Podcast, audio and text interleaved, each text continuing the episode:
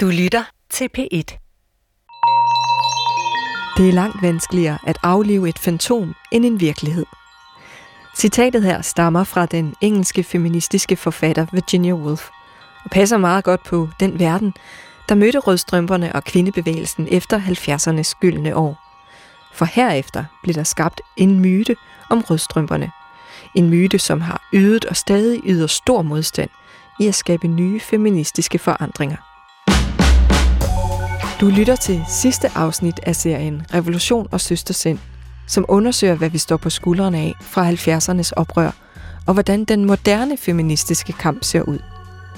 Jeg hedder Sara Røykær Knudsen og møder i det her afsnit rødstrømpe og professor i kønsforskning Trude Dallerup. Og sammen med en yngre feministisk forsker ser vi på myten om rødstrømperne, den der tog over, efter bevægelsen blev lagt i graven en aften for cirka 35 år siden.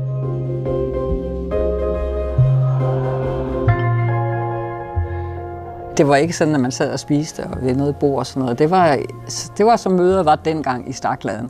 Nogen, der sad øh, i panelet og sagde nogle ting, og så var, snakkede man ved bordene, og så drak man en masse øl. Året er 1985, og i bygningen Stakladen i Aarhus har en lille flok kvinder inviteret de 40, de kunne finde i Rødstrømpe, kontorets kartotek, til en sidste kom sammen. En af dem, der er med, er Trude Dallerup, og årsagen er, at rødstrømpebevægelsen er ved at æbbe ud. Mens det løb stille og roligt ud i sandet andre steder i landet, besluttede man sig i Aarhus for at markere det. Det var en fantastisk aften, men den var jo fuld af paradoxer. Fordi det, som var hent, det var, at nu øh, var der et kvindehus i Havnegade, som bestod af mange forskellige grupper. Øh, og øh, at selve dem, der kaldte sig rødstrømper, var bare et lille kontor, og der var måske siger de, 40 kvinder, som stod i det der kartotek, og der var måske tre eller fire, der mødte op, når der var møder. Så dem, der stod for det kontor, de besluttede så, jamen det her, det går jo ikke mere. Og så sagde de, men så må vi jo holde en, en afskedsfest. Og så kom der 400. Og mange sagde, I kan jo ikke nedlægge en bevægelse. Altså, I kan nedlægge et kontor og en organisation. Men, øh, men vi er jo mange, der stadigvæk er rødstrøm og stadigvæk er feminister. Så det blev jo en, en aften, der, der viste, ja okay, organisationer kommer og går. Øh, men øh, en gang feminist, nok altid feminist.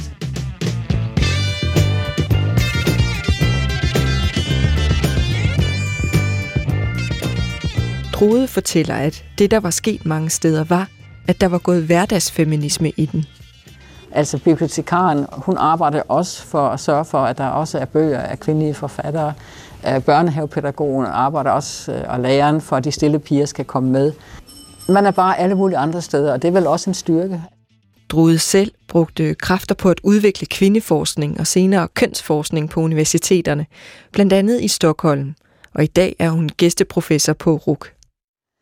Jeg arbejder som øh, som øh, FN-konsulent øh, øh, rundt omkring i verden, omkring øh, hvordan man får empower women i politik, hvordan man får flere kvinder med i politik. Jeg arbejder med valgsystemer og kønskvoteringssystemer.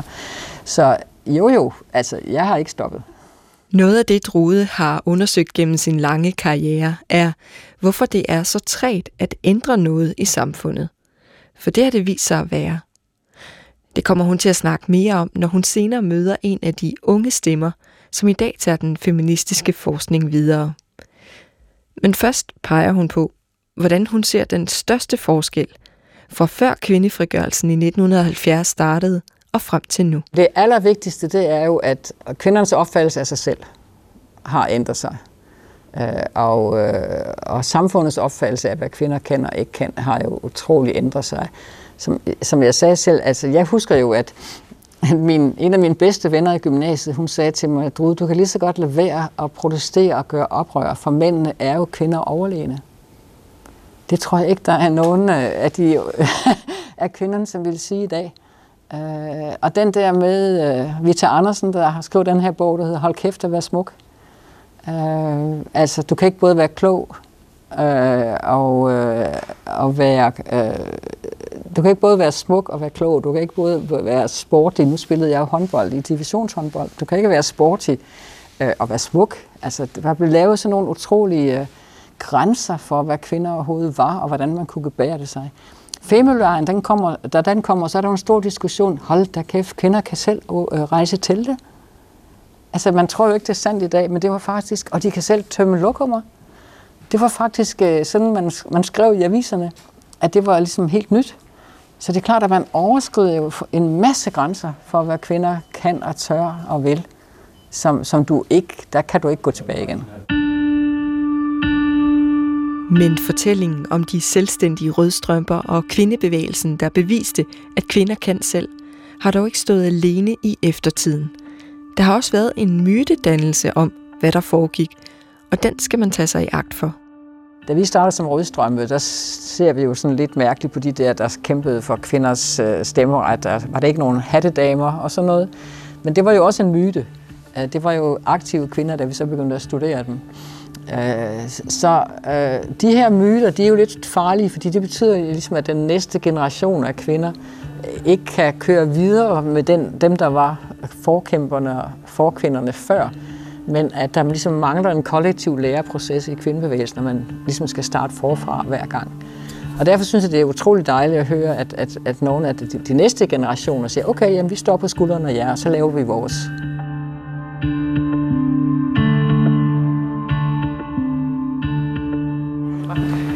Kommer. Yes. Ea Hø Utoft er 33 år, bor i Aarhus, er feminist og en del af den nye generation af kvinder, der kommer ind på universiteterne og vil samfundsforske ud fra en feministisk vinkel, ligesom Drude har gjort i flere årtier. Hvor skal den så stå? Kommer den der? Eller der, hvor den lyser? Jeg afleverede øh, 31. januar, og så forsvarede jeg den 28. maj. Så, så det var corona-forsvar. Det var digitalt øh, med de to bedømmere, en i Sverige og en i, øh, i Holland. Her taler Ea om sin Ph.D.-afhandling, som hun afleverede sidste år, og hvor hun konkluderer, at der er en myte, som gør sig gældende i dagens samfund. Vi fejrer, at vi har opnået ligestilling, og det bruger man så ligesom som sådan et greb for at sige, at vi skal i hvert fald ikke have noget aktiv feministisk politik eller ligestillingstiltag på arbejdspladsen, eller hvad det nu måtte være. Altså, jeg synes, det er super interessant. For, for mig, når jeg kigger ud på, på samfundet, altså, så er der rigtig mange uligheder, som sådan ligesom skriger mig lidt i, eller det, det, vi kan ikke, jeg kan ikke undgå at se det, vel? Så det undrer mig bare, at, at folk kan holde så meget fast i den der idé om, at vi er så progressive, og vi gør det så godt. Og, øhm, og det er jo det, jeg har været interesseret i at forsøge at, at forstå, eller i hvert fald lave et bidrag til. Jeg har spurgt Ea, om hun ville tale med Drude i det her program. Fordi jeg er nysgerrig på, hvad myten om rødstrømperne og kvindebevægelsen har betydning for i dag. Jeg er da selv stødt på fortællinger, som har spillet mig et pus i forhold til min forståelse af, hvad 70'ernes kvindekamp gik ud på. Myter som, men det var også en flok kvinder, der var utilpassede. Det var noget, der foregik i København fjernt fra virkeligheden. Nå, men Ea sagde ja til at mødes med Drode, Altså hun er jo, skal jeg passe på, hvad jeg siger, der er virkelig ikke noget ondt i det. Hun er jo en af grand old ladies i dansk kønsforskning, det er hun jo. Så her står vi i et radiostudie og opretter forbindelse til Drude. Jeg glæder mig rigtig, rigtig meget til at snakke med hende. Ja, og, og desværre, ja, det bliver jo ikke sådan en rigtig fysisk møde på grund af corona og sådan noget, ikke? Ja. Så vi, vi opretter en forbindelse her for Ja. studiet, og I kan se hinanden på webcam. Hej, hej. Hej. Hej. Drude starter med at klarlægge, hvad myten om rødstrømperne handler om. Ja, sådan som jeg kan se det ud fra mine historiske studier, så handler det om, at øh, når vi snakker om øh, den første, det jeg kalder den første kvindebevægelsesbølge, som handler om kvinders adgang til uddannelse og stemmeret, øh, der er selvfølgelig masser af modstand, men der kommer nogle myter bagefter, som handler om, at de var vel nogle pebermøger, ikke også, øh, som havde svært ved at finde en mand, og hattedamer og sådan. Øh, og det, som så sker, når vi er, kommer som unge rødstrømper, det er jo, at så køber man jo i starten de her myter. Øh, sådan skal vi i hvert fald ikke være. Øh, da vi så begyndte at studere de gamle, så kunne vi jo se, at det var myter. Men øh, vi havde jo den her opfattelse, at det her kunne aldrig ramme os. Fordi vi var jo de unge og de smukke og de veluddannede, i modsætning til de der den første bølge. Det viste sig så at være forkert. forkert. Ja, de, de var jo også de unge og de smukke og relativt veluddannede. Øh, men øh, Det, som jo er problemet, fordi så efter rødstrømbevægelsens højdepunkter, når den begynder at flade ud, så kommer der jo de her myter, øh, som er meget stereotypiserende, altså, jamen kvinderne kunne, øh, de ville være ligesom mænd, eller øh, mm. de, øh, de kunne ikke lide mænd. Og, og det interessante er, at begge de to myter kan jo ikke være øh, passe på samme tid. Men det, som er, er pointen her, det er jo, at, at det forhindrer den næste generation øh, af kvinder i at blive feminister. Fordi man vil jo ikke være sådan, øh, som den der myte. Så myter som for eksempel rødstrømperne var mandehadere, har haft den funktion, at de har afskrækket de næste generationer af kvinder fra at kalde sig feminist, fortæller Drude. Ea siger, at hun i sin generation er præget af en anden myte. Det er jo den her myte om ligestilling af noget, vi har. Og hvis man har den, den, det mindset, og har ligesom det på som sådan nogle skyklapper, så ser man jo heller ikke uligheden. Øhm, og det, der i hvert fald lidt har sket, har været, øh, jeg oplever, der er sket, er jo sådan, at, at i kraft af den der myte om ligestilling er opnået, så er det blevet sådan en, øhm, Altså man har lidt mistet et, øh, et feministisk, en feministisk linse, en feministisk, et feministisk ordforråd og en analyse og forstå tingene igennem. Så det vil sige, når vi så kigger på, at der kun er dårligt, ja, knap 20 procent øh, kvindelige ledere i erhvervslivet, øh, så, så bliver det afkoblet fra en, fra en kønnet forståelse. Så, så ser man det, jamen man kan godt identificere, jo, der er kun 20 procent kvinder, og det er selvfølgelig mindre end 80, men det bliver ikke forstået som et udtryk for ulighed eller uretfærdighed, så bliver det forstået som et udtryk for, i stedet for, hvor progressivt ligestillet vi er. Nu er vi faktisk så ligestillet, at det er helt okay for kvinder at vælge karriere fra. Myten har mange udtryk, alt efter om man er drude eller æres generation af feminister. Men myterne har sat sit klare aftryk i samfundet og har forhindret en feministisk udvikling. Altså stagnation og passivitet. Altså hvis man antager, at der ikke er Altså at ligestilling er et problem, eller ulighed er et problem, der er løst, og noget, der hører fortiden til, men så er der ingen grund til at handle. Øhm, og så er det jo blevet den her, øh, den her sovepude, at, at da, da de sådan de vigtigste øh, love var blevet indført, sådan så der er sikret formel ligestilling i Danmark, øh, så, så falder det ligesom fra den politiske agenda, og øh, altså Annette Borgårds og Bitte Sim har jo skrevet om det her med, hvordan i Norge og Sverige, at øh, feministerne var i højere grad en del af de politiske partier, end det har været tilfældet i Danmark. Øhm, og så på den måde har de inden for politik, altså inde i partierne, kunne holde øh, de her spørgsmål på dagsordenen, hvorimod da øh, den danske feministiske bevægelse ligesom var lidt for nedadgående, så var der ikke det pres udefra på politikerne til at, blive ved med at holde fokus på, på kønsspørgsmål. Og netop det emne ved Drude Dallerup en masse om indefra for hun har boet i Sverige og været tilknyttet universitetet i Stockholm i næsten 20 år. Det, som er pointen her, ikke også, det er meget langt væk fra den der danske individualistiske tilgang, der siger, jamen jeg, jeg er jo ikke sexist, eller jeg er ikke racist, så er der vel ikke nogen problemer. Mens den svenske øh, øh, kvindeforskning får stor, stor indflydelse på partierne med at udvikle det her med, at det er et strukturelt problem, vi snakker om. Øh, der er altså et, et gennemgående system, hvor de enkelte dele hænger sammen. Og det optager sig øh, op mod, mod årtusindskiftet af alle politiske partier, undtagen Moderaterne og Kristdemokraterne. Og selvfølgelig, da Sverigedemokraterne kommer til, så tager de det jo heller ikke. Øh, men alle de andre partier, altså også de liberale partier, kalder sig feministiske partier, som, og regeringen, som sagt, øh, vil føre en feministisk øh, politik. Og det er det strukturelle, det strukturelle, det strukturelle. Så det er, det er ret interessant, det der er sket i Danmark. Øhm, hvad skal man sige? Det, det er ikke bare sket det, at, at passiviteten har gjort, at okay, så er vi nået et vist niveau, så er vi blevet der, men jeg tror simpelthen på, at fordi vi ikke har, blivet, har, ikke, ikke har ført en aktiv øh, leasingspolitik rigtig mange år, så er vi faktisk så gået ned ad bakke for os, og det kan vi jo også se i de her internationale sammenligninger, hvor Danmark jo næsten hvert år øh, falder i rangeringen. Blandt de vigtigste internationale sammenligninger er rapporten Global Gender Gap fra World Economic Forum. Og på indekset fra sidste år kan man se vores nabolande, Island, Norge, Finland og Sverige i top 4, mens Danmark er på en 14. plads. Jeg retter et spørgsmål til Drude. Var der noget, I, tillader jeg mig at sige, glemte at gøre jer, der stod for oprøret i 70'erne og, og, og din videre, dit videre arbejde, var der noget, I kunne have gjort bedre for, at øh, hvad kan man sige, Danmark også har udviklet sig på den her måde? Vi diskuterer meget, at det i virkeligheden Danmark altid har været mindre øh, sofistikeret og mindre udviklet på spørgsmål om ligestilling? Eller er det noget nyt? Er det rigtigt, som jeg tror, at det er ligesom stagnationen kommer der i slutningen af 90'erne, og det er meget indvandrerdebatten, det, det handler om.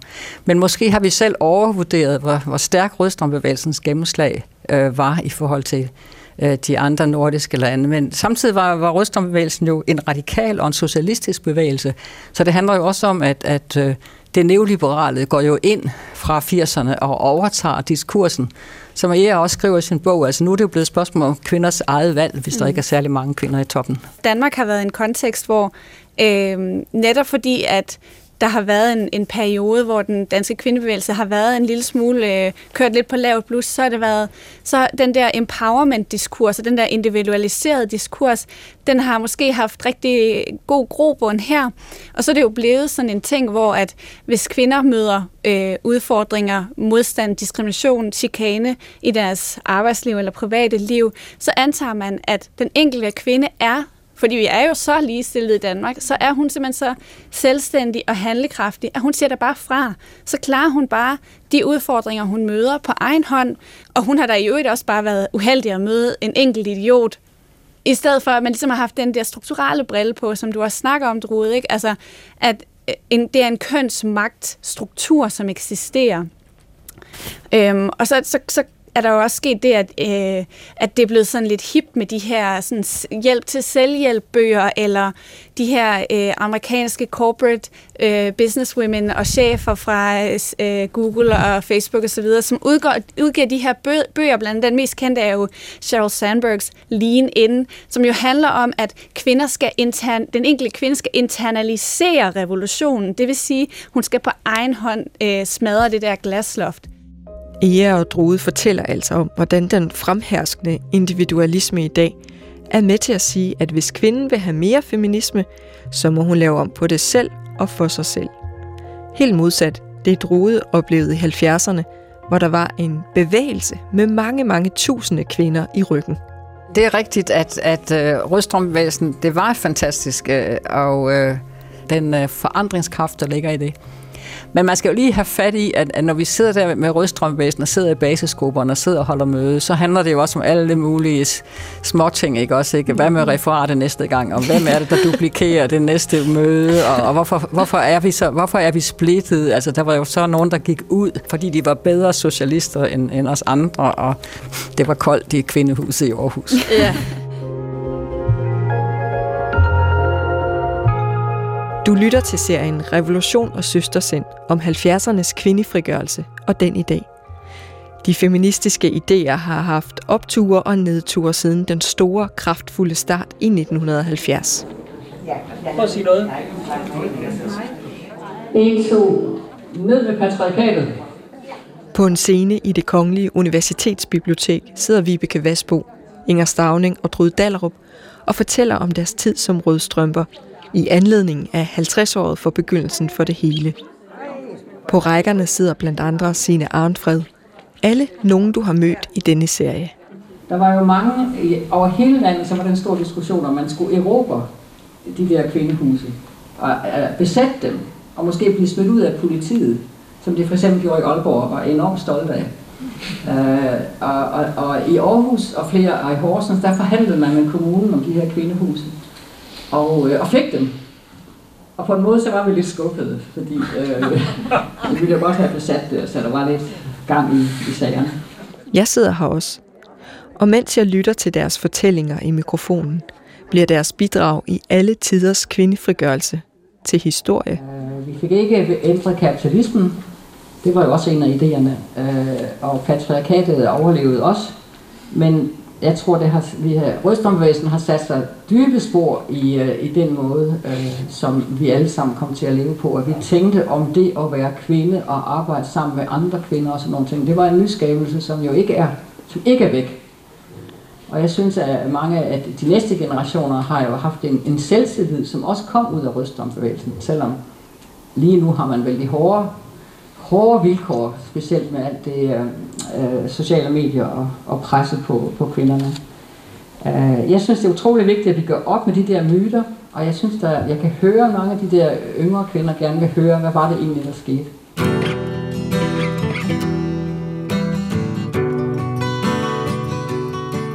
Efter Drud Dalerup, som den sidste af rødstrømperne, er færdig med at fortælle op fra scenen, klapper vi.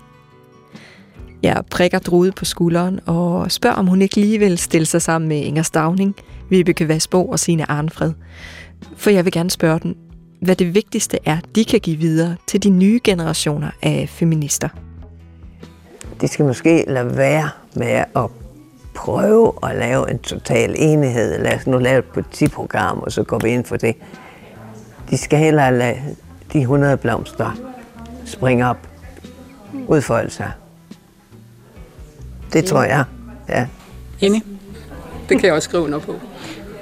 Ja, vi havde måske nok en utopi om, at vi kunne blive enige.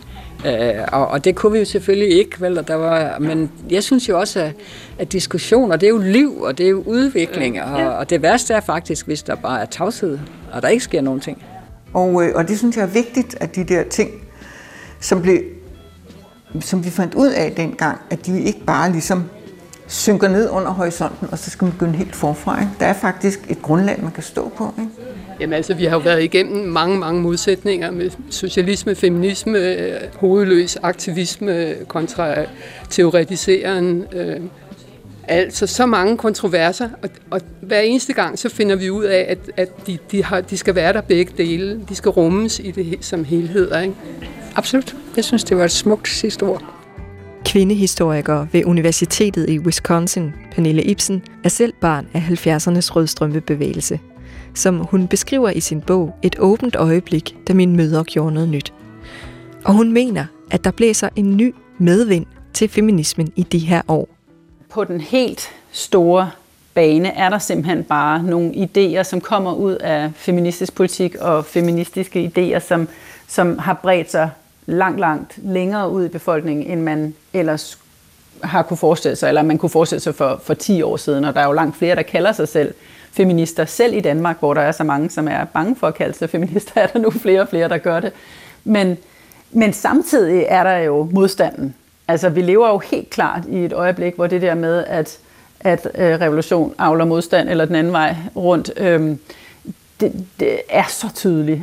Og sådan var det ikke i starten af 70'erne. Der var, hvad skal man sige, højrefløjen, eller de, som var kritiske over for kvinders stemmer, ikke nær så velformulerede eller parate til, hvad de skulle sige til det, eller deres modstand blev så blev hurtigt så øh, absurd, fordi de ligesom ikke havde noget sprog for det, eller hvad man skal sige. Derimod er der i dag et sprog, mener Pernille Ibsen. Et sprog, som siger... Kvinder gør sig selv til ofre lynhurtigt, når de taler om deres erfaringer, og derfor kan vi ikke høre på dem, fordi den offerposition er latterlig, eller øh, den offerposition kan man ikke sige noget til, og så videre. Altså jeg tror, det blandt andet betyder, at det kan være svært at have en samtale. Altså fordi, at, at positionerne er, er kørt så meget i stilling på forhånd. Ligesom. Når man diskuterer det her om, hvorvidt man er offer eller ej, og hvad det betyder at tale fra en offerposition, hvis man skal kalde det det, så ender vi det samme sted igen og igen og igen, og det lukker ligesom samtalen. Hvor i starten af 70'erne, der var det en begyndelse på en samtale.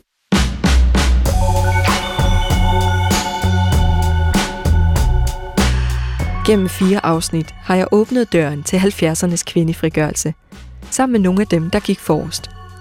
Vibeke, Sine, Inger og Drode har fortalt om de ændringer, de var med til at skabe for kvinder. Også i det samfund, vi ser i dag. De greb sammen med tusindvis af andre kvinder et gyldent socialt øjeblik i samfundet for 50 år siden. Og måske har vi igen, lige nu, sådan et øjeblik. Anført af Sofie Linde på scenen i et galashow. Hvis du ikke går med ud og sutter min pæk, så fucking ødelægger jeg din karriere. Jeg er i hvert fald meget nysgerrig på at høre, hvordan Rødstrømpe og professor i kønsforskning, Drud Dalrup, tolker den MeToo-bølge, der for alvor har ramt Danmark og sat sexisme-opgøret på dagsordenen. Er det en ny revolution? Og vil det gå over i historien? Jeg synes, det var super flot. Jeg synes, hun gjorde det helt rigtigt. Jeg synes, det var rigtigt ikke at nævne nogle navne. Uh, og det betyder ikke, at alle mennesker føle sig skyldige, tværtimod, men det betyder, at alle mennesker skal tage et opgør uh, med det her. For at tale om en bølge, så snakker vi om global kvindebevægelse. Det her var en ny bølge, som, som rykkede ting. Det er faktisk meget svært at sige, når man står midt i det, men jeg vil godt øh, fastholde, at kvindernes øh, krav om ret til uddannelse øh, og jobs øh, og øh, spørgsmål om stemmeretten, det er så den første bølge. Øh, anden bølge er så øh, Women's Liberation Movement, altså så i Danmark rødstrømbevægelsen, som jeg selv var en del af. Og tredje bølge, det er så MeToo, og jeg tør godt våge at sige, at det her i historiens lange lys vil være den tredje bølge. Du har lyttet til fjerde og sidste afsnit af serien Revolution og Søstersind. Jeg hedder Sara Røykjær Knudsen og har tilrettelagt serien. Mette Willumsen er redaktør. Du kan finde alle afsnit i DR Lyd. I serien har jeg givet plads til rødstrømpernes ord, men også lidt til den musik, der kom ud af 70'ernes feministiske oprør. Og det er her, vi slutter med en sang fra 1977 af kvindeballadegruppen. Kom alle kvinder i dansen at gå. Kom alle kvinder i dansen at gå. Vi vil ikke mere bare kigges på. Åh oh, nej, vi vil ikke mere bare kigges på som vi er. Vi vil nu vise os sådan som vi er. Med tunge bryster og skæve tæer. Åh oh, ja, med tunge bryster og skæve tæer. Sammenhold i dansen giver styrke og mod. Vi danser, så fødderne drypper af blod. Åh oh, ja, vi danser, så fødderne drypper af blod. Du kan høre flere P1-podcasts i DR's radio-app. Det giver mening.